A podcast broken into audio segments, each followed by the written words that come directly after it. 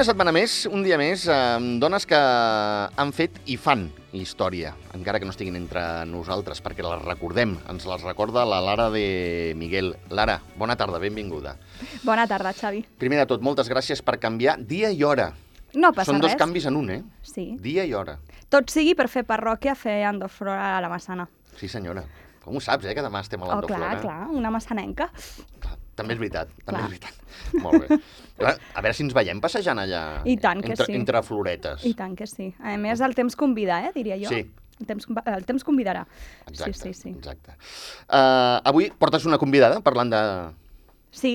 Uh, els nostres oients diran que potser estic una mica obsessionada amb Anglaterra, perquè avui tornem a portar una Dona. d'Anglaterra. L'última secció va ser la Lady Di, doncs avui parlarem d'una escriptora del segle XX, uh, que va ser molt revolucionària per la seva manera d'escriure, ara en parlarem, Oh. i es tracta de Victoria Woolf. I com ja saps, sempre et porto una frase cèlebre. Avui Sí. començarem bé, començarem pel principi, no ens saltarem cap pas del, del guió, així que comencem amb la seva frase cèlebre, Va. i és que ella deia que no hi ha barrera, pany ni pestell que puguis imposar a la llibertat de la meva ment. És veritat. Això és veritat, però clar, en Clar, aquella tu pots època, estar a la segle presó, XX... però seguir pensant el que segueixes pensant. Sí, sí, però... Exemple, el procés de Catalunya. Els, els ha canviat? Han deixat de ser independentistes? No. No, dir, no, clar, no, no, això- no. Bueno, doncs això era una mica el que Victòria en- ens reivindicava, no? Amb aquesta frase ella el que volia transmetre era la dificultat imposada que patien les dones escriptores del segle XX. És a dir, tornem enrere, tornem a l'època doncs, en què les dones només existien per criar fills, per cuidar de la família, doncs una època on eh, inclús ella, la Victòria, va viure que no podien estudiar a la universitat, ella no va poder anar a la universitat, amb ella la van criar des de casa amb tutors, Uh -huh. perquè bueno, la Victòria eh, vivia amb... Bueno, ella tenia uns pares doncs, que, que la, la van poder educar eh, i no és que fossin aristòcrates, però, però tampoc eren pobres, Mhm. d'acord? Ella vivia en un, en un bon barri eh, durant bona part de la seva joventut, d'acord? Entenc, Lara, que ho va passar malament de debò, aquesta pobra dona. Sí, avui sobretot parlarem d'ella des de la cara més uh, tènebre, podríem dir, perquè Adelina Virginia Stephen, uh, que va néixer el 25 de gener del 1882, Val? podríem dir que va ser una escriptora molt atormentada per viure en aquest món d'homes. Ella Ja. no podia acceptar veure com els seus germans grans doncs, podien fer el que els hi donava la gana Tenien privilegis i ella tenien no. privilegis, però ella no. I això va fer doncs, que durant tota la seva vida eh, visqués eh, bueno, doncs, eh, en, en un món molt fosc i bueno, després parlarem de les seves enfermetats mentals perquè bueno, la, la Virgínia doncs, va, això mateix, eh, va, va patir moltes enfermetats mentals. Ah, llavors, bueno, com reprenem una miqueta la seva vida, ella des de petita, com et dic, doncs, eh, bueno, va viure en un entorn molt privi un, bastant privilegiat i, a més a més, molt intel·lectual.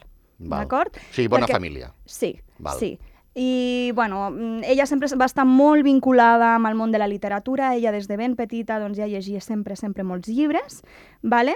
però mm, el que et comentava abans, ella no va poder accedir a, a aquests estudis eh, universitaris de literatura. Uh -huh. I després, bueno, ja des de molt joveneta també, amb 13 anys, eh, bueno, la seva mare va morir d'una febre reumàtica i això la va portar doncs, a la seva primera eh, depressió molt forta. Carai. És a dir, Virginia va viure eh, durant tota la seva vida eh, sempre sumida a intents de suïcidi. Ostres. Eh, avui en dia es parla d'ella doncs, que patia un trastorn bipolar. Val. Però, bueno, a banda dels trastorns bipolars, en, en diaris d'ella que s'han trobat posteriorment, eh, doncs, bueno, ella parla que sentia veus. O sigui, ja no només era aquesta bipolaritat, no? sinó Mhm. que jo inclús m'atreveria a dir que, que, que patia una mica d'esquizofrènia també, perquè ella sentia veus. Ostres. Però, bueno, clar, en els 13 anys ja pateix la, la, bueno, el, el seu primer gran dol, que és el de la seva mare, I després, només 10 anys eh, més tard, amb, amb 23 anys, mor el seu pare. Carai, tu. I pel camí viu una altra situació molt traumàtica, que és que els seus germanastres Sí. van abusar d'ella sexualment. Eh, li podia passar alguna cosa més a aquesta senyora? Doncs mira, bé, sé que no. Perquè amb Després 13 va tindre perdre una- la mare Sí, sí. ja és un cop duríssim. Al cap de 10 anys perdre el pare, mm, duríssim, i que et violin els teus germanastres, ja dius, mm, molt bé, eh, ja no tinc més números de la rifa, eh? vull dir, prou, fins Sí, aquí. em, em sembla que podem entendre no? la, I la tant, situació de, de, de, de per què diem que era una escriptora molt atormentada, no? Ostres. Però, bueno, clar, quan en el 1905 el seu pare mor d'un càncer, d'acord, Sí. doncs, clar, es, es queden orfes i, bueno, ella amb els seus germans es traslladen a Bloomsbury. Bueno, aquí ara pronunciarem noms que jo, bueno, mm, ja em disculpo, que no, és que, que no és que sàpigui jo molt de pronunciació, però, bueno, es traslladen al barri de Bloomsbury i allà creen el famosíssim Cercle Bloomsbury d'acord? Que és uh, perquè, perquè el creen a casa seva. Casa seva és el Cercle Bloomsbury. I allà es reunien, bueno, mm, una quantitat de gent cèlebre intel·lectual uh, brutal del segle XX. I clar, mm, de repent la Virgínia passa de viure doncs, en aquest món tan de foscor Sí? a viure en un entorn on mm, comença a, a sentir idees d'igualtat, on comença a viure el feminisme, on comença a viure en un entorn on s'ac- on s'accepta la homosexualitat i la bisexualitat, on, a més a més, eh, li transmeten l'amor per l'art, l'ecologisme, etc. No? O sigui, quan comença tot aquest moviment una mica més liberal de, Sí. de, de les ments, no? I que es devia sentir superagust, perquè aquesta dona, pel que veig, tenia ganes d'expandir-se. I si més no, mm, més que a gust, jo suposo que, que eh, viure a, a, envoltada de tot això és el que amb ella li, li va, la va ajudar a atrevir-se a escriure. Sens dubte, sí, perquè si no, segurament. jo penso que si no hagués mm, sigut per aquest cercle, doncs ella encara ho hagués passat pitjor, encara s'hagués quedat més atrapada dintre seu, Segur. no s'hagués pogut expressar, etc etc. no? segur. Sí, sí. Així que en el 1912, quan ella ja tenia 30 anys, va conèixer en aquest, en el cercle de Bloomsbury, el que seria el seu marit, el Leonard Woolf, Val, que a més a més era escriptor, també, val, era economista i, bueno, i, un, i un membre uh, de, del... Bueno, era... era mm, ai, ara no em sortirà el nom. Bueno, era, era un funcionari uh, del govern britànic de l'època. I, a més a més, era jueu. Per ser funcionari a l'època, era una persona llustrada, eh? Sí, sí, sí, sí, sí. Molt bé. Sí, sí. Molt bé. I a més a més de tindre el matrimoni... bueno, clar, Virgínia, quan va... acce- Eh, hem de dir que casar-te amb 30 anys al segle XX, això ja era tela, eh? Sí, se t'havia passat l'arròs, no. Clar. Se t'havia passat 20 vegades aquella sí, època. sí, vull dir, mm, es, es va fer esperar, eh, sí, també. sí, sí, sí, sí. Uh, però, bueno, uh, el seu matrimoni tampoc era un matrimoni convencional. I jo crec que això la va ajudar moltíssim amb ella, perquè, clar, recordem que va patir els abusos uh, sexuals dels seus germanastres. Sí. És a dir, que ella ja no confiava en els homes. No, clar, no m'estranya. D'acord? Després parlarem, doncs, de, de, de que ella va tenir una relació homosexual. Ara ho parlarem. Val. Però aquest matrimoni que era tan liberal, doncs la va ajudar moltíssim, perquè realment Leonard va estar en el seu costat cuidant-la, cuidant-la, tota la vida. És a dir, Leonard estava al corrent absolutament de totes mm, les pràctiques homosexuals de la seva dona Carai. i tot i així, per, bueno, doncs, per guardar les aparences, i jo, jo em suposo perquè se l'estimava molt, doncs eh, va estar sempre al seu costat cuidant-la. Xapó. És a dir, que Carai. molt bé. En, a, de més, en aquest matrimoni, entre els dos, funden la cèlebre editorial Hogarth Press, Val. on, la, on ella aprofita per publicar els seus llibres. Molt bé. A més a Fantàstic. més, ja que tenim una editorial, doncs evidentment en, en, ens publiquem eh, a nosaltres, nostres, no? Clar, clar. I, bueno, l'any 1925 publica un dels seus grans èxits, que és la senyora Dalloway, i és en aquest moment quan coneix també a l'escriptora Vita Sackville West, que és amb la que manté aquesta relació homosexual que et dic que es van enamorar moltíssim. Val. Tant l'una com l'altra tenien matrimonis. És el que et anava a I dir ara. O sigui, la Vita també estava, eh? també estava casada. Sí, sí, sí, sí, també estava casada. Val. Van tindre una breu història d'amor i tot i que la història d'amor doncs, no va acabar funcionant, igualment elles dues van mantenir una amistat mm, la resta de la seva vida. Eh? Molt bé. Vull dir, amb això sí que... Però, bueno, eh, una de les obres de Virginia que es diu Orlando, Sí. Es diu que aquesta obra és realment la carta d'amor més extensa que li ha fet una persona públicament amb una altra, no? Carai. Inclús els fills de la Vita ho, ho van acabar acceptant, no? És que, bueno... Van una entendre que aquell Orlando Sí, era sí. la seva mare. era la seva mare i que, i que Virginia era la, que- la, la, la que bueno, havia escrit aquesta carta per la seva mare, no? Però bueno, ja et dic, em dóna la sensació que en aquell segle s'acceptava molt millor aquesta situació que potser en ple segle XXI, que, que, que, que encara a dia d'avui aquestes coses no s'acaben d'entendre massa bé. Sí. Però bueno, uh, com a curiositat, Sí. anem a dir una petita curiositat, es diu que el seu nom Sí. el de Virgínia, apareixia en una llista negra d'objectius dels nazis amb l'operació Lleó Marí, que Clar. és quan els nazis volien conquerir Regne Unit. No, és que aquests estaven molt creuats amb tothom. Sí, eh? sí. I, bueno, però de totes maneres, eh, el matrimoni de Virginia i Leonard tenien molt clar que si això passava, doncs que serien un, un, un objectiu, perquè primer, e ella era una cèlebre escriptora amb, amb uns temes molt delicats perquè Virginia va ser de les primeres persones doncs, en parlar a les seves obres dels drets de la dona Carai. i el seu marit, a més a més, també era un escriptor cèlebre jueu. Així que ells sabien que si això acabava passant, mm, ells estarien perseguits segur. Així que es diu que ells tenien un plan B, Val. Que era que si això passava, ells mateixos Sí. es suïcidarien en el garatge de casa seva, Carai. en, engegant el cotxe i inhalant els gasos de monòxid de carboni del cotxe, Val. abans que morir en les seves mans, no? en, en les mans dels nazis. Val. I si, I si tot i així no funcionava aquest pla B de, de morir suïcidat en el garatge, Sí. li havien demanat en el germà de la Virgínia, que era, mm, era metge, em sembla. Sí, era metge psiquiatre, els hi havia demanat altes dosis de morfina per, per, per morir també. Clar. És a dir, si no ens funcionava una cosa, ens funcionaria l'altra. I ho tenien ja, Però en mans dels nazis no acabarem. exacte, i ho tenien tot molt estudiat. Val. És a dir, que si això acabava passant, ells, ells volien una mort mm, més o menys tranquil·la a casa seva. Val. De totes maneres, eh, bueno, com, com ja estem veient una mica, doncs tota la vida de, la- de la Virgínia mm, succeeix una mica al voltant de la mort. I és que hem de dir que ella no entenia la mort com algo dolent, sinó per ella la mort era acabar amb el seu patiment. Ja. Per ella l'amor era a- aquest descans etern, no? De deixaré de patir i, i, i segurament en, en, en on, a- on anem, que no sé quines creences deurien de tenir, però ella hauria de pensar, mira, en el més allà Sí, sí. jo viuré tranquil·la, Estaré no? més tranquil·la que aquí, sí, sí. Sí, sí. Així que, bueno, amb 59 anys, el 28 de març de 1941, Virginia decideix acabar amb la seva vida. Ah, igualment es suïcida aquesta senyora, eh? Igualment es suïcida. Val. Ella, incapaç de fer front doncs, en aquesta desesperació que sempre l'embolicava, es va posar en l'abric que portava pedres Carai.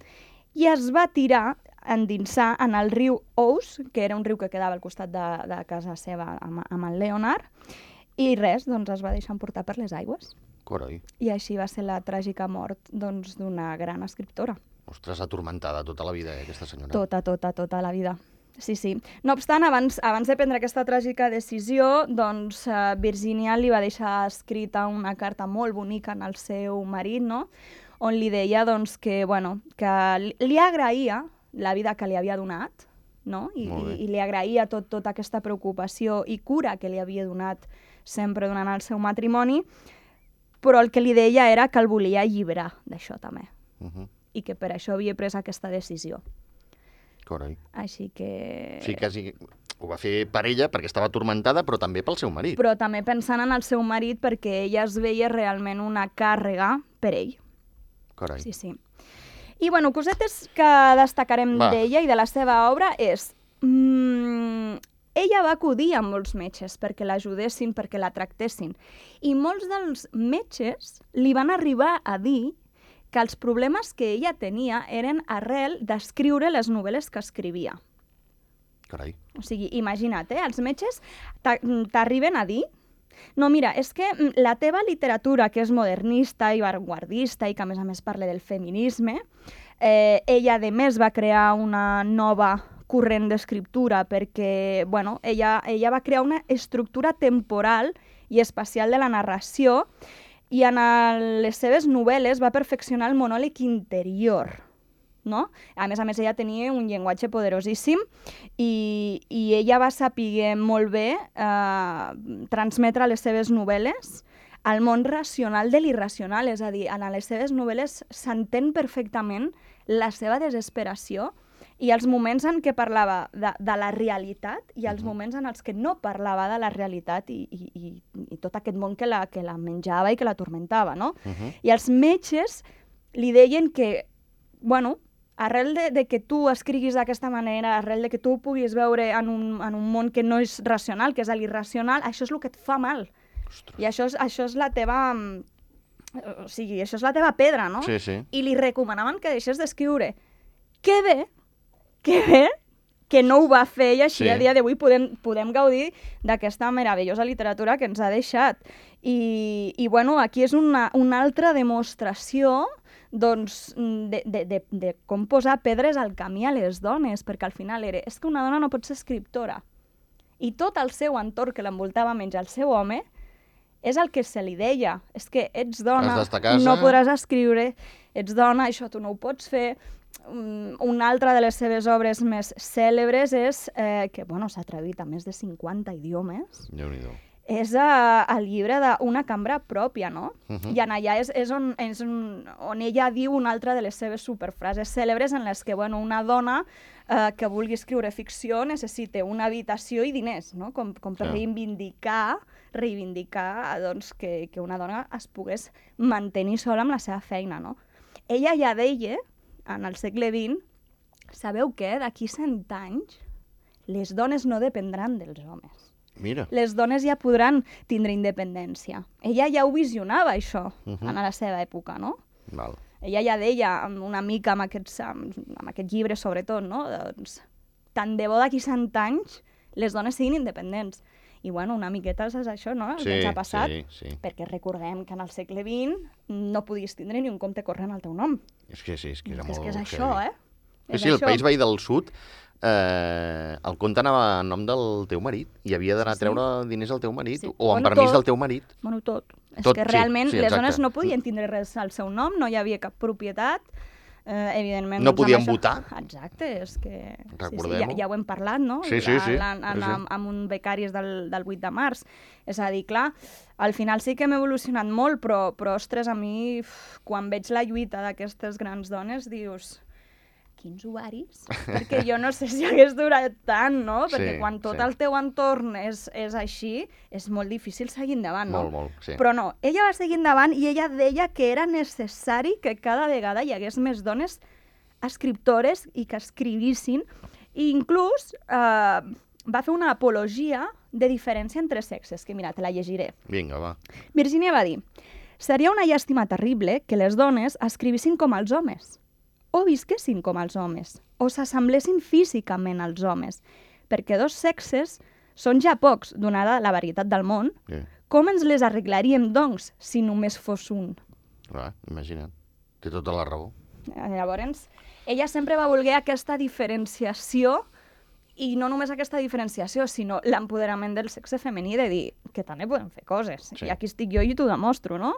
Així que, bueno, jo em trec el, el barret i, a més a més, doncs, eh, acabar dient això, no? Que ella va fer molta reflexió sobre la condició de la dona i la identitat femenina i, a més a més, doncs, la relació de la dona amb la, amb la filosofia, la literatura, eh, etc etc. Jo crec que va ser un gran exemple en aquest sector. Déu-n'hi-do, déu nhi déu la, la vida de, de l'amiga Virginia Woolf. Uh, I aquest cercle Bloomsbury. Sí, Qui m'has deixat?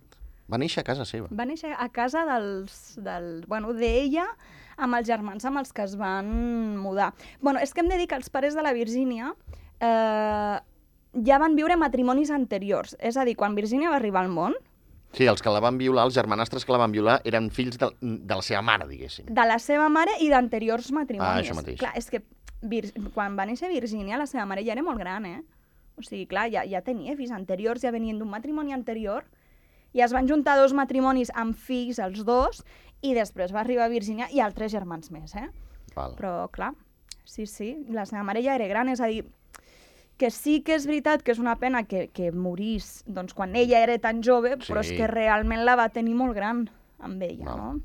I, bueno, mm, ella sí que tenia una relació molt dependent amb la seva mare, i, bueno, clar, i és que, evidentment, si després, a més a més, tens abusos, doncs la Sí, teva sí. vida comença ja d'una manera molt terrorífica. Sí, Així sí, que increïble. és molt normal, doncs, aquest eh, trastorn de bipolaritat.